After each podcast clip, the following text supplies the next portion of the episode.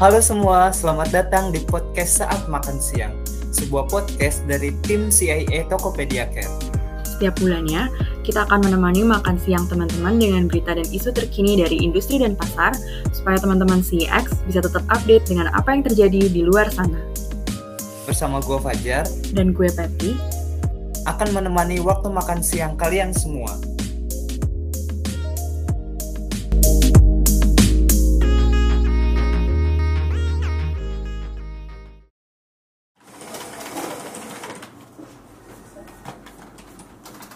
Eh, Baf, Baf, sini deh. Pernah nggak sih lu cari-cari barang di e-commerce nih, terus di Hmm. tengah-tengah ada produk yang ada tulisan ads kayak gini? Hah? Kayak gimana maksud lo? Ini nih, Baf, ini yang kayak gue tunjuk ini. Oh itu, itu produk gue Mel. Gue pakai iklan berbayar di Tokopedia, biar dibantu sundulin sama Tokopedia. Eh, gimana?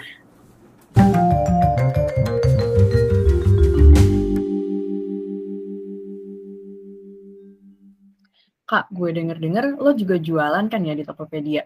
Terus pakai iklan berbayar juga tuh, kayak Kak Bafner. Jujur iya, gue ada toko sih di Tokopedia, dan iya, gue juga pernah coba pakai.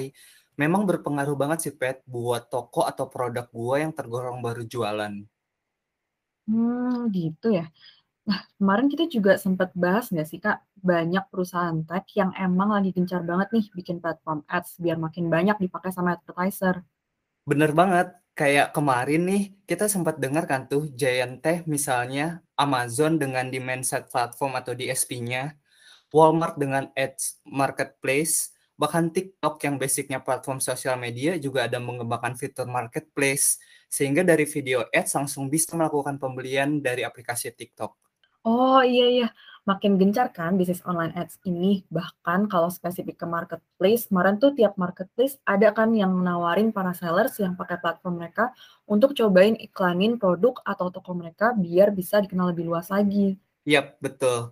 Nah, minggu ini kita masih akan bahas topik yang sama nih, Pet. Tapi kali ini kita kedatangan bintang tamu yang gak kalah spesial. Yang bisa kita ulik dan tanya-tanya soal iklan berbayar di marketplace. Dan kita sekalian tanya juga kali ya, di Tokopedia sendiri nih, punya apa sih yang bisa ditawarkan ke users atau seller yang berjualan di platformnya? Oh iya, ada siapa nih Kak bintang tamu kita di episode kali ini? Bintang tamu kita di episode kali ini adalah Yosi Safitra Abirama. Yosi ini adalah senior lead service recovery yang akan berbagi dengan kita semua mengenai iklan berbayar di marketplace. Halo Kak Yosi, makasih banyak nih udah mau join bareng kita. Halo, halo kakak-kakak semuanya. Nah, Yos, kita habis ngobrol-ngobrol nih tentang perkembangan platform ads di berbagai tech company, bahkan sosial media. Sekarang kita mau bahas lebih lanjut mengenai platform ads di Tokopedia atau yang lebih dikenal dengan top ads. Dari point of view lu sebagai senior lead nih yang tahu perkembangan soal top ads, apa fitur unggulan yang ditawarkan sama top ads ini? Kalau bicara soal fitur unggulan itu, uh, advertisement Tokopedia itu sebenarnya udah paling berkembang pesat banget ya. Jadi setiap bulannya itu ada peningkatan di jumlah usage buat top ads gitu. Nah, kita itu kalau tadi kalau kan bilangnya kan lu tanyanya soal fitur unggulan nih. Jadi ketika seller beriklan dengan top ads itu, produk mereka itu bisa di halaman strategis jar. Misalnya di halaman pencarian, homepage, dan kategori. Jadi produk yang diiklankan ini lebih mudah ditemukan pembeli lah. Algoritmanya sendiri itu dibuat berdasarkan keyword uh, sama kategori yang dicari pembeli. Nah, di Topet sendiri juga kita ada data statistik di mana di situ tuh bisa tampil ringkasan performance dari advertisingnya sellernya uh, kayak berapa banyak iklan diklik, total pengeluaran, total pendapatan dari hasil yang diiklankan produknya dan lain-lain gitu sih Jar. Oh, Pak Yosi, kemarin tuh juga aku sempat baca-baca nih kalau perusahaan lain itu juga mengembangkan fitur-fitur yang nggak kalah canggih. Nah, ngomong-ngomong soal data statistik nih, yang paling canggih itu kemarin ada di Amazon. Jadi mereka itu punya matriks yang unik dan lebih advance nih kayak ad to atau ATL counts, new brand, reach, frekuensi, dan statistik lainnya. Dan seller itu juga bisa kerjasama dengan third party measurement solution untuk ngadain analytics yang customized, misalnya kayak brand lift study, offline sales lift, dan masih banyak lagi. Nah, dan tentunya kerjasama ini kan juga akan menguntungkan nih untuk Amazon. Nah, bahkan selain statistik itu, mereka tuh juga ada ngadain yang namanya programmatic advertising. Jadi mereka tuh menggunakan automasi dan machine learning untuk jual beli ads ke target audience yang dinilai cocok nih. Jadi berdasarkan data profile atau bahkan yang lebih advance lagi, seperti kebiasaan belanja dari pembeli dan lain-lainnya.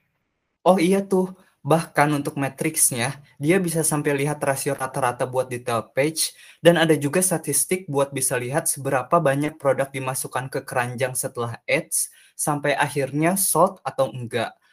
Bahkan kalau gue sempat baca nih di e-commerce dalam negeri kayak Shopee, selain metrik dasar mereka juga menampilkan peringkat rata-rata atau average ranking yang dibandingkan sama iklan lain dengan kata pencarian yang sama. Menurut lo gimana, Yos?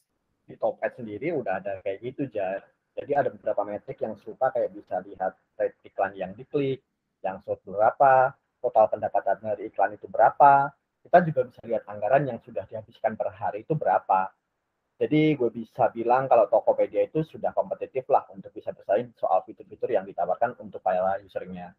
Hanya aja ada beberapa hal yang gue rasa bisa jadi opportunity nih buat improve misalnya improvement di sisi personalisasi iklan. Misalnya bisa targeting ke umur jenis kelamin apa yang user suka cari sampai pemilihan target lokasi iklannya itu sendiri.